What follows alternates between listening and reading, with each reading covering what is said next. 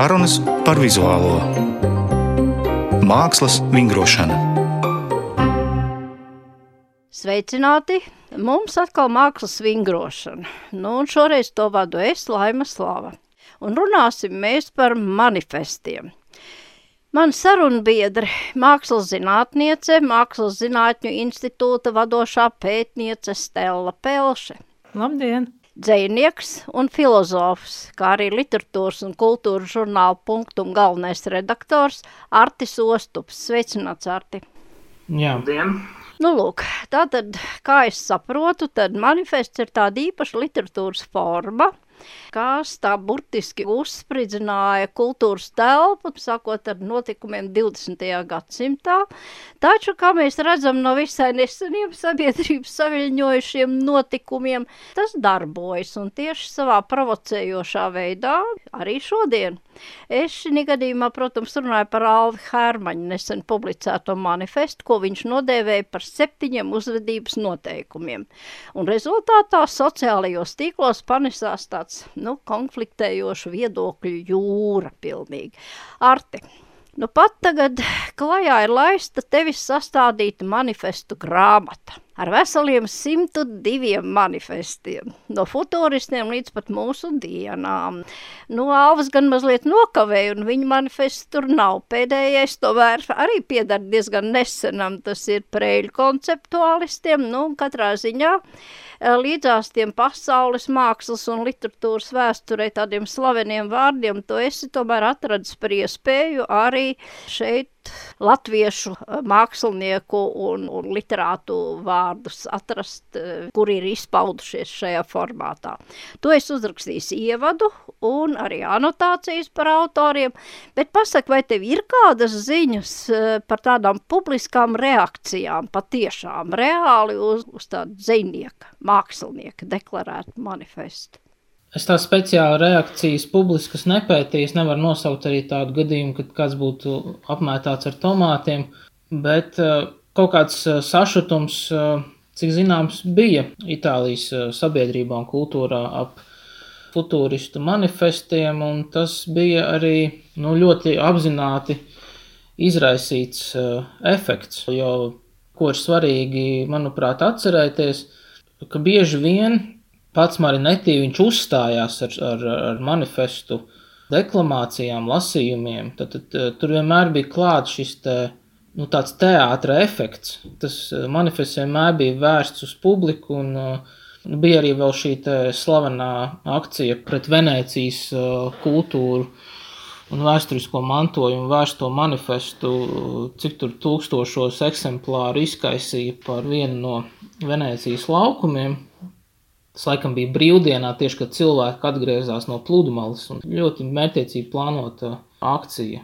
Bet par tādām publiskām, es, cik es atceros, tad, tad Marinetī idejām negāja tik veiksmīgi Anglijā. Viņam bija savi dombiedri tur, bet līdz galam varbūt neiesakņojās tieši tas, tas Marinetī skatījums uz, uz futūristu. Tur bija kaut kādas citas mutācijas, bet pašam Marinetī negāja tik labi Anglijā. Nu jā, katrā ziņā tajā laikā tomēr nebija sociālo tīklu. tā kā reakcijas varēja būt tikai kaut kādā salīdzinoši šaurā lokā un, protams, publikācijās jā, jā. tālāk. Stella, tu esi grāmatas zinātniskā redaktore un arī esi anitāciju autore. Vai par latviešu māksliniekiem runājot, tu vari vismaz pateikt, kurš no tiem grāmatā publicētajiem viņu manifestiem ir visskandalozākais? Ja runājam tīri tādā rezonanses ziņā, tad uh, gribētos minēt, ka tas varētu būt uh, Valdemāra Matveja Krievu secesija. 1910. gadā sakarā ar šo Krievu avangarda grupas uh, Sojūz Malaģoži izstādi Rīgā, jo šim notikumam un, un manifesta publicēšanai trijās Rīgas avīzēs dažādās valodās sekoja tāda visai izvērsta diskusija presē, kurā tradicionālisti, eh, tēlnieks Gustavs Šķilters un grafiķis Rihards Zariņš, eh, varētu sacīt, kārtīgi izplūcās ar uh, lietušķās mākslas meistaru Jūliju Madarnieku, kas bija arī aktīvs kritiķis. Pie tam iztirzātās tēmas aizvirzījās līdz pat mākslas kritikai kā tādai un tās uzdevumiem, bet centrā bija attiecības starp dabu un mākslu. Jā, un tas lielā mērā izrietēja no Matveja teiktās šīs provokatīvās tēzes, ka mēs ienīstam dabas kopēšanu, šo garu un jūtu bankrotu. Un tas, protams, jā, tādus konservatīvāk orientētus uh, māksliniekus um, diezgan satricināja. Un dabas studijas, kā tāds pozitīvais, radošais piemērs, tika izspēlēts pret dabas kopiju, kā tādu verdziski fotografisku imitāciju. Bija tā, ka modernieks aizstāvēja šo dabas studiju un nosodīja dabas kopiju, bet, piemēram, Zariņš sacīja, ka īsti nodalīt dabas studiju un kopiju pēc viņa domām nemaz nevar. Nu, tad tas viss tur izvērsās gari un plaši, un pievienojās arī vēl daži citi mazāk zināmi autori, eh, piebalsojot vienai vai otrai pusē. Eh, tādā ziņā šķiet, ka šis raksts patiešām ir raisījis tādu aktīvāko eh, rezonanci.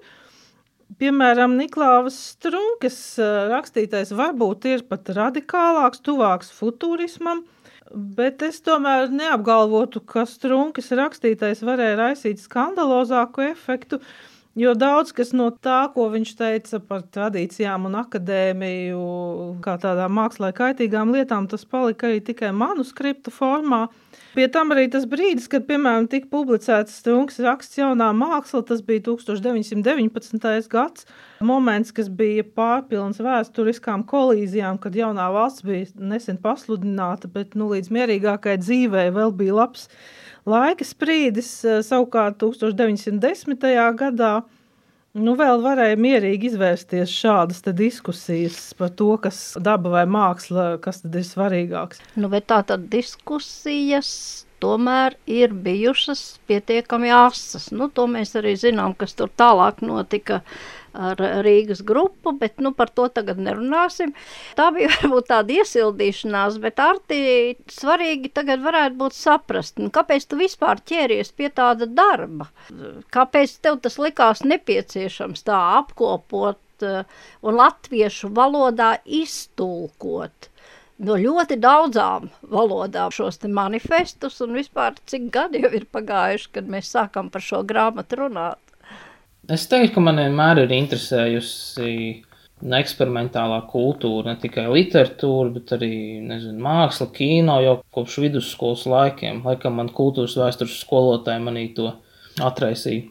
Konkrēti par šo grāmatu bija tā, ka mēs ar neputnu darbinieci Dācis Krēts aizgājām Berlīnē uz uh, plašu video instalāciju uz uh, Juliāna Rozefelta manifestu. Nu, tā sauc šo darbu manifests, kur Keita Blanšeta bija ietusies dažādās uh, sadzīviskās lomās, kur viņa, piemēram, bija vienā filmā zīmēšanas skolotāja, laikam, vai mākslas skolotāja, un uh, stāstīja bērniem, kā jārada māksla, bet tas teksts bija uh, Es pareizi atceros uh, seriālus un manifests. Nu, jā, tad kaut kā tas ļoti nostrādāja viss, un likās, ka, ka manifests ir joprojām interesanta forma, ka tā nav mirusi forma, kad viņi kaut ko var darīt. Ja viņu aktualizētu šajā mūsdienu kontekstā, iespējams, rastos kaut kāds negaidīts rezultāts. Nu, man liekas, ka Latvijā vispār savā ziņā ir diezgan viegli sev motivēt, jo ir tik daudz to aklo laukumu, kas uh, vēl ir jāapgūst, vai kas ir zināms no citiem avotiem, bet nav zināms, piemēram, no avotiem latviešu valodā. Un tādā ziņā, protams, ka gribējās, lai arī latviešu ir tāda grāmata, kur ir ļoti daudz uh, manifestu, tā skaitā arī uh, virkne hrestomātisku piemēru. Kā tu izvēlējies vispār? Tev bija kaut kādi kritēriji ļoti konkrēti, jo manifesti jau laikam ir ļoti, ļoti daudz. Jā, nu reizē bija konkrēti kriteriji, reizē nebija. Jo, ja, ja skatās uz manifesta žanru simts gadu griezumā, tas skaidrs, ka kaut kas ir mainījies, un tad tie kriteriji kas ir spēkā, piemēram, vēsturiskā avangarda tekstos, viņi varbūt nav spēkā vairs mūsdienu tekstos, un tad tur ir jāsās katrs gadījums atsevišķi, bet es domāju, ka tas galvenais impulss tomēr nāca no, no tā, kāds manifests bija avangardā, ka tur bija šī te agresivitāte, noliegums, kaut kāda pompozitāte, šis te teātris tika spēlēts ar tekstiem un vispār tāda ļoti augsta uh, ekspresijas uh, pakāpe. Un arī tas aspekts, ka manifests nav sekundārs attiecībā pret, teiksim, pret vizuālo mākslu, bet ka, ka manifests jau pats ir kā mākslas darbs, pašpietiekams. Un tad es apmēram tā skatījos, kuri būtu tie manifesti, kas arī formāli ir interesanti. Nu, tas ir, protams, tā, tā tāda neliela varbūt, provokācija no manas puses, bet nu, es, te, es, teiksim, es uzskatītu to par žānru ar literārām iezīmēm. Nu, lūk, tad es tev jautāšu, kā tev liekas vispār, cik lielā mērā mākslinieki šajā te žanrā pēkšņi ir kļuvuši par literātiem? Jā, nu, mākslinieki tiešām no tiem, kas iekļauts šajā izlasē, tad uh, no latviešiem, piemēram, gan Matvejs, gan Strunke, gan uh, Teodors Zaļkāns, gan Kārlis Zāle, gan arī jau daudz vēlāk darbojušies uh, Hardijs Lediņš un Juris Boiko. Nu, jā, viņi visi bija mākslinieki, tā kā tas īpatsvars ir diezgan būtisks. Nu, tā motivācija droši vien ir uh, tāda, ka viņi vēlējās formulēt vārdos, ko tad paši dara vai, vai ko vēlētos darīt, kāpēc tas ir svarīgi. Nu, tā, lai citi to arī varētu uzzināt. Nu, var jau to parādīt pašā mākslas darbā, bet nu, iespējams, ka izteikt vārdos, tomēr šķiet, ka tas būs mazliet saprotamāk. Man liekas, ka viņiem arī tīri labi tā vārdiskā forma ir padaudzies. Mums jau, man liekas, mākslinieki arī ir bieži vien rakstītāji. Bet vai jūs abi divi jums nebija kaut kādas domstarpības par to, kurā brīdī to tekstu tiešām nodēvēt par manifestu. Ja? Vai viņi visi tā arī ir bijuši sākotnēji nosaukti kā manifests? Es domāju, ka visi noteikti nebija nosaukti sākotnēji kā manifesti, bet, uh, nu, ja mēs skatāmies teiksim, uz tiem tekstiem, kas ir uh, no 1910. līdz 30. gadiem, tad nu, lielākoties jau tie arī tika iecerēti kā manifesti, un tā arī viņi tika izplatīti. Varbūt izņēmums varētu būt šis priekšvārds zilā jātnieka almanaham, nu, kas ir kā priekšvārds, bet kaut kādām manifesta uh, iezīmēm kas tomēr arī izziņo kaut kādu jaunu virzienu. Jā, bet man liekas, ka tajā laikā to domstarpību nebija tik daudz. Nu, vai to robežu gadījumu nebija tik daudz. Jā, nu, protams, ka tuvāk mūsdienām tas žanrs kļūst nenoteiktāks. Es domāju, tas ir saistīts ar, ar, ar plašākiem procesiem vispār kultūrā, kad pēc otrā pasaules kara nu, tā vispārinot, varētu teikt, ka šī ticība avangardam vai ticība mākslas progresam vispār mazinās. Un tad arī mākslinieks skatās uz, uz šīm vecajām formām. Manifests varētu būt viena no šīm vecajām avangarda formām, tad viņi izjūt kaut kādu skepsi. Un, ja viņi tomēr izlemj rakstīt manifestu, tad viņi vienlaikus uh, tiešāk vai netiešāk iesaistās arī dialogā ar pašu to manifestu rakstīšanas tradīciju. Un tad tie manifesti kļūst tādi varbūt rāmāki, šur tur garāki, pašironiskāki. Kaut gan tāds, tāds pašironijas efekts, protams, ir eh, klātesošs jau arī pirmajā futūristu manifestā. Jā, šai sakarā es atceros, ka, ka mēs ar Ārti arī diskutējām, piemēram, par Andreja Kurcija aktīvo mākslu, vai tas būtu manifests vai nē. Jo no tāda viedokļa, ka tiek pausts tāds jauns virziens, kas nu, noliedz apšauba visus iepriekšējos kā nepilnīgus, arī šis kurcija opus varētu būt manifests, bet nu, beigās to neiekļāvām, jo nu, tomēr tas ir vairāk tāds izvērsts teorētisks apcerējums nekā īsts kodolīgs uzsaukums. Līdz ar to, protams, nu, ne katrs teorētisks teksts būtu uzskatāms par manifestu, bet droši vien tas ir arī tāda robežu novilkšanas jautājums, jo citādi šāda krājuma izveidošana kļūtu teju vai par neaptveramu uzdevumu, ja būtu, teiksim, tāda teorija vispār jāapskata.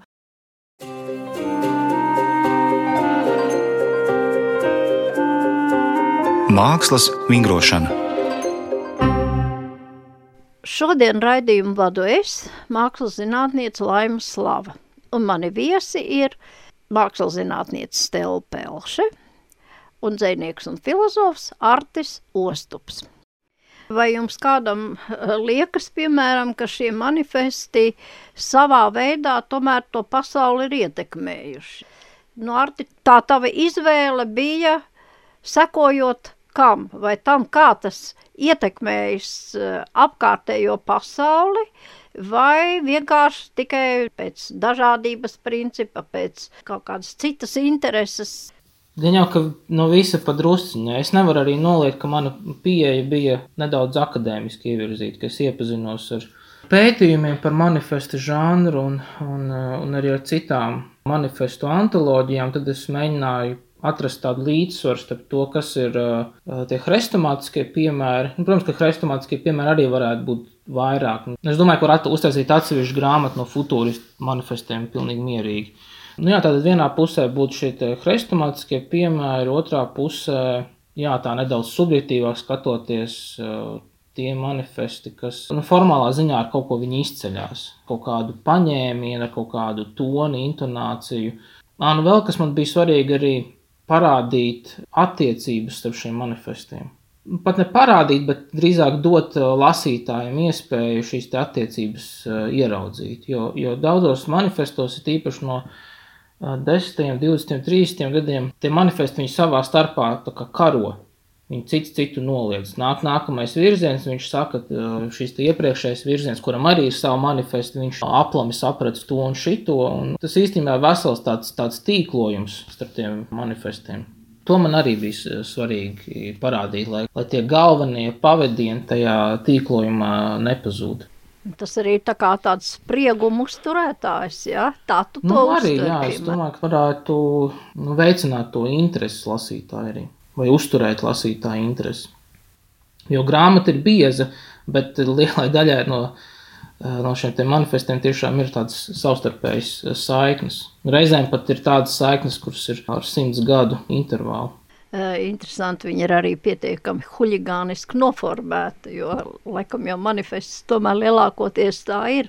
Bet, Stela, vai tu vari vēl uzsvērt, kas ir izmainījis, vai kāds no tiem manifestiem, par kuriem tu esi interesējusies, kurus tu tagad īpaši biji spiest arī pārlasīt visus, vai ne? Vai ir kaut kāda tālāka tāda ietekme bijusi mākslā? Ne tikai Jā. konkrēti īsajā brīdiņā. Jā, par šo manifestu rezonanci ietekmi varētu sacīt. Tā šķiet ir bijusi pietiekami daudzveidīga, dažkārt ātrāk un tūlītēji. Citkārt arī, ka kāds manifests ir uz laiku piemiests un kaut kad vēlāk šķiet atklāts no jauna. Pēdējais piemērs ir Ungāru autora Kāroja Tamko Širato dimensionisma manifests, kas ir datēts ar 1936. gadu un kurš ir tā teikt jaunatklāts kādu laiku vēlāk. Bet, nu, kopumā, jā, pie tādiem ietekmīgākajiem rakstītājiem neapšaubām jāmin Marineti par futūrismu. Lokālajā aspektā, es domāju, jau minētās Matveja idejas par krāsu un līniju autonomo pasauli tiešām formē šo Rīgas mākslinieku grupas pozīciju, ko starpkaru laikā aktīvi propagandēja arī Ugas Kulme. Jā, no citu tautu piemēriem Kazimira Maļeviča no kubisma un futūrismu supremātismu ir tāds fundamentāls abstrakcionisma pamatojums. Vai, piemēram, arī Lekorbizie pretīm arhitektūrai būtu uzskatāms par tādu absolūtu modernismu arhitektūras teorētisko stūrakmeni, no kurienes nāk arī nu, zināmā sentence par to, ka māja ir mašīna dzīvošanai.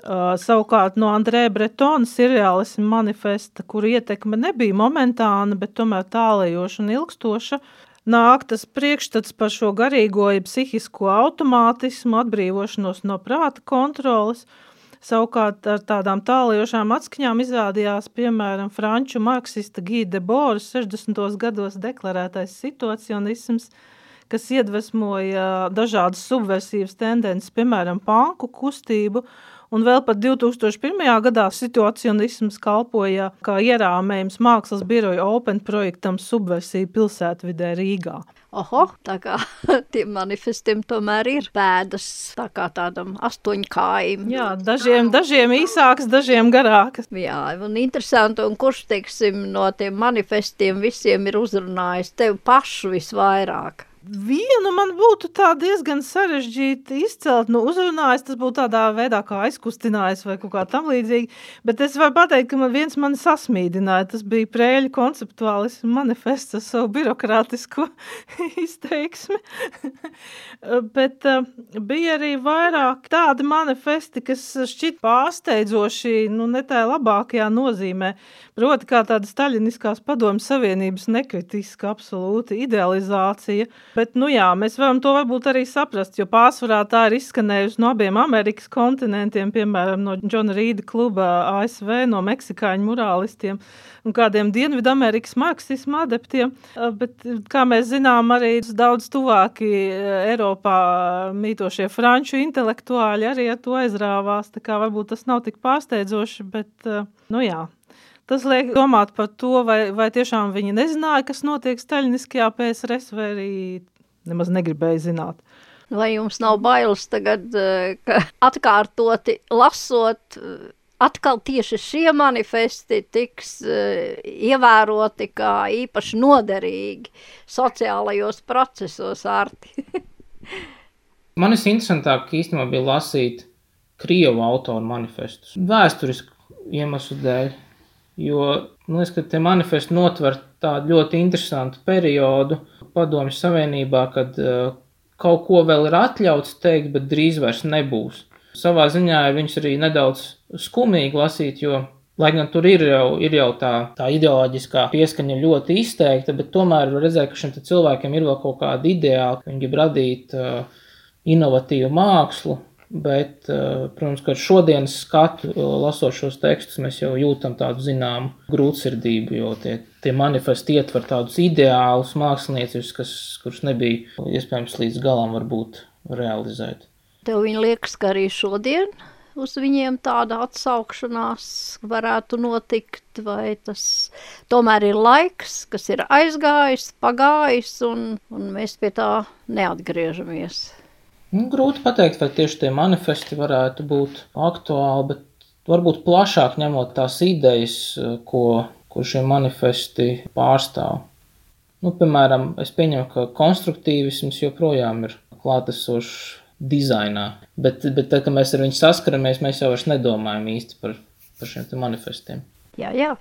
Bet, piemēram, redziet, tie manifesti, kad apskatās visu to amplitūdu, kādu viņi aptver šajā grāmatā, viņi ir tulkot no daudzām dažādām valodām. Tā nav tikai itāļu, angļu, vācu, jā, tur ir arī tādi negaidīti. Jā. Ja? Vai tā iedarbība tiem manifestiem, kurus tu esi izvēlējies no šīm citām valodām, tā iedarbība ir bijusi tikai lokāla, vai viņi arī savu laiku ir kaut kā tulkoti citās valodās un izplatīti? Nu, kā kurš? Ja skatās, Biguls tulkojas, skatās ir... futuristus, dadaistus, seriālistus, nu, futuristus noteikti jau tajā laikā, jau neilgi pēc to manifestu publicēšanas, itāļu valodā viņus jau uh, tulko citās Eiropas valodās. Nu, tas ir skaidrs, bet es runāju par jā. varbūt par tādām mazākuma tautībām. Ja?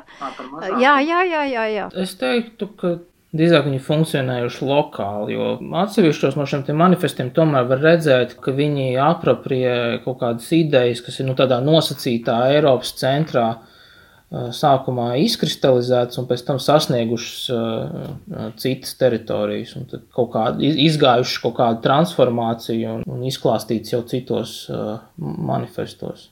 Nu jā, piemēram, šis zenītismu manifests, kas ir arī iekļauts grāmatā, ir diezgan uzskatāms piemērs. Nu, tomēr var redzēt, ka tendences, kas ir nākušas no, no futuristiem, dadaistiem, ka viņas pēc tam jau ir uh, apropriētas, jau it kā cita virziena. Uh, formulēšanā, bet tāpat laikā tas virziens kaut kā ļoti estētiski saistīts ar tiem pirmajiem virzieniem.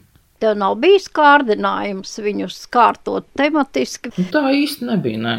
Vienā citā antoloģijā, ko es skatījos, bija darīts tā, ka kārto pēc virzieniem, bet man likās kaut kā pārāk mehāniski. Negribējās tik sīki kārtot. To, protams, varētu darīt, bet, bet tas, tas princips arī Viņu būtu grūti uzturēt visas grāmatas garumā, jo jau, vairāk mēs tuvotos mūsdienām, jo grūtāk būtu to tekstu kategorizēt kā piederīgu kādam konkrētam virzienam. Jo tas virziena laiks jau vispār ir, nu, es teiktu, pagājis. Jā. Tomēr manifesti top, jā. Nu, piemēram, to es iekļāvis kā pēdējo preļu konceptuālistus, jā. Kas tev mudināja, piemēram, šādas lietas tur ņemt? Mēs kaut kad ar Kārlu Vērdiņu runājām par manifestiem un uh, kaut kā viņam dzīva tā doma, ka varētu uzrakstīt arī preļu konceptuālismu manifestu. Nu, viņš to, protams, izdarīja preļu konceptuālismu un tipiskā veidā.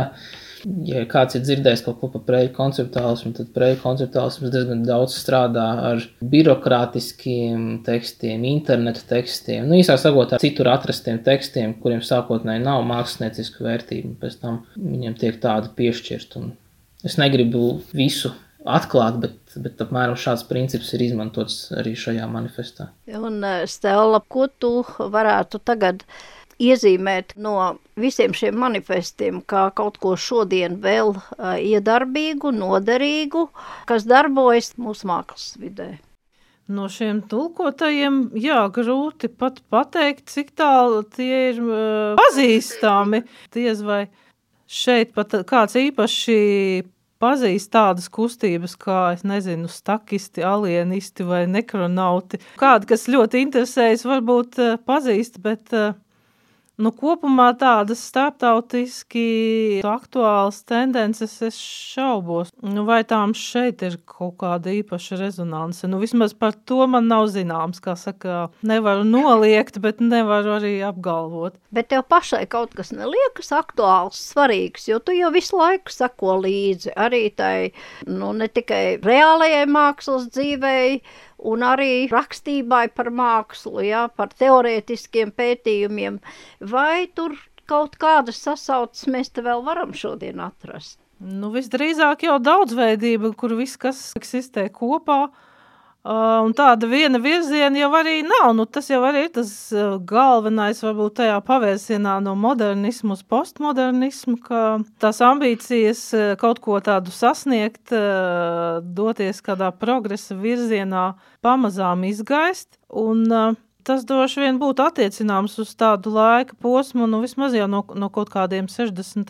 gadiem. Līdz ar to diez vai var iezīmēt kādu tādu maģistrālo līniju, kurai tagad varētu vai vajadzētu sekot. Bet varbūt noslēgumā, nu, gluži vienkārši pasakat, katrs, kas jums patika tajā darbā pie šī projekta. Pie tā, ka, ka tiek izvilkti šie deklarējumi un savietoti kopā vienā vienotā veselumā, ar kuru tagad mēs varam visi iepazīties. Nu, teiksim, Arti, kas tev iepriecināja tajā darbā? Es nerunāju par grūtībām, tādas ir vienmēr. Mani visvairāk iepriecināja tieši tas meklēšanas un atrašanas process. Man bija interesanti arī, kad es biju to visu kopumu savācis. Nu, viņš niansēs vēl bija šī mainījās pēc tam, kad tas viss kopums bija vairāk vai mazāk savāks, bija interesanti domāt, nu, kā viņu izstāstīt tajā priekšvārdā, kādus tos akcentus salikt, lai lasītājam iedotu tādu nu, karti. Viņš var orientēties tajā manifestu gūzmā. Jo tas bija interesanti, tāpēc, ka es meklēju citus tekstus, no nu, tādu teorētisku ievirsu par manifestiem, un nu, viņu nav nemaz tik daudz. Tādā ziņā tas arī bija izaicinājums. Nu, rakstīt par manifestu, tajā situācijā, kad nemaz tik daudz par manifestu nu, varbūt nav sarakstīts. Paldies, Arti, bet tagad Stela. Tā jautājums bija par to iepriecinājumu. E, jā, man bija jāsaka tāda daudzveidīga pienākuma pie šī projekta. Tas bija visai patīkami, ka varēja pārslēgties no, no viena aspekta uz citu, jo pirmkārt e, es darbojos kā zinātniskā redaktore, kas pārlasīja šos tulkojumus uh, un precizēja arī vietām kādas terminoloģiskas uh, nianses, lai, lai, piemēram, kādi stili un virzienu nosaukumi būtu saskaņā ar uh, pieņemto tradīciju un tam līdzīgi. Tur es faktiski iejutos tādā lasītāja lomā un Otrs aspekts, pie kuras ķēros pēc kāda laika, tad, kad man tika palūgts to darīt, protams, bija sacerēt šīs nelielās anotācijas katram tekstiņam, Un, uh, tur es mēģināju savienot varbūt vairāk tādu akadēmiskas mākslas vēsturnieces pieredzi, tādu mākslas kritiķis pieredzi, nu rakstīt uh, izzinoši tā, lai dotu kaut kādu priekšstatu par to kontekstu un tiem autoriem, bet reizē arī mazliet pavērtēt uh, tādā kritiķi praktiskā aspektā, dažus no šiem tekstiem vismaz kā lasītājam. Jā, nu, tas rezultāts ir tāds mazliet populārs, zinātnisks, neizbēgami, bet nu, cerams, ka tas uh, dos lasītājiem tā teikt priekšstatu, kā lasīt šos tekstiņus. Un tas arī bija tavs prieks, ja? Labi. Jā. Labi, Stela, paldies, paldies Arti par sarunu šodien, un es domāju, ka manifestus palasīt un paskatīties, cik ļoti dažādi skatījušies, tā teikt, mākslas cilvēki, kultūras cilvēki, radoši cilvēki uz tiem jautājumiem, kas eh, noteiktā laikā ir cilvēkam svarīgi. Ja? Šī iespēja, manuprāt, ir ārkārtīgi saistoša un uh, pašizziņu uh, ļoti bagātinoša. Paldies! Paldies! Paldies! Raidījumu šodien vadīja Laima Slava un par manifestu mākslā runāju ar mākslas zinātnieci Stelu Pelši un filozofu un dzēnieku Arti Ostupu. Raidījuma producente Inta Pīrāga – un mūs var dzirdēt arī podkāstu aplikācijā. Atbalsta valsts kultūra kapitāla fonds.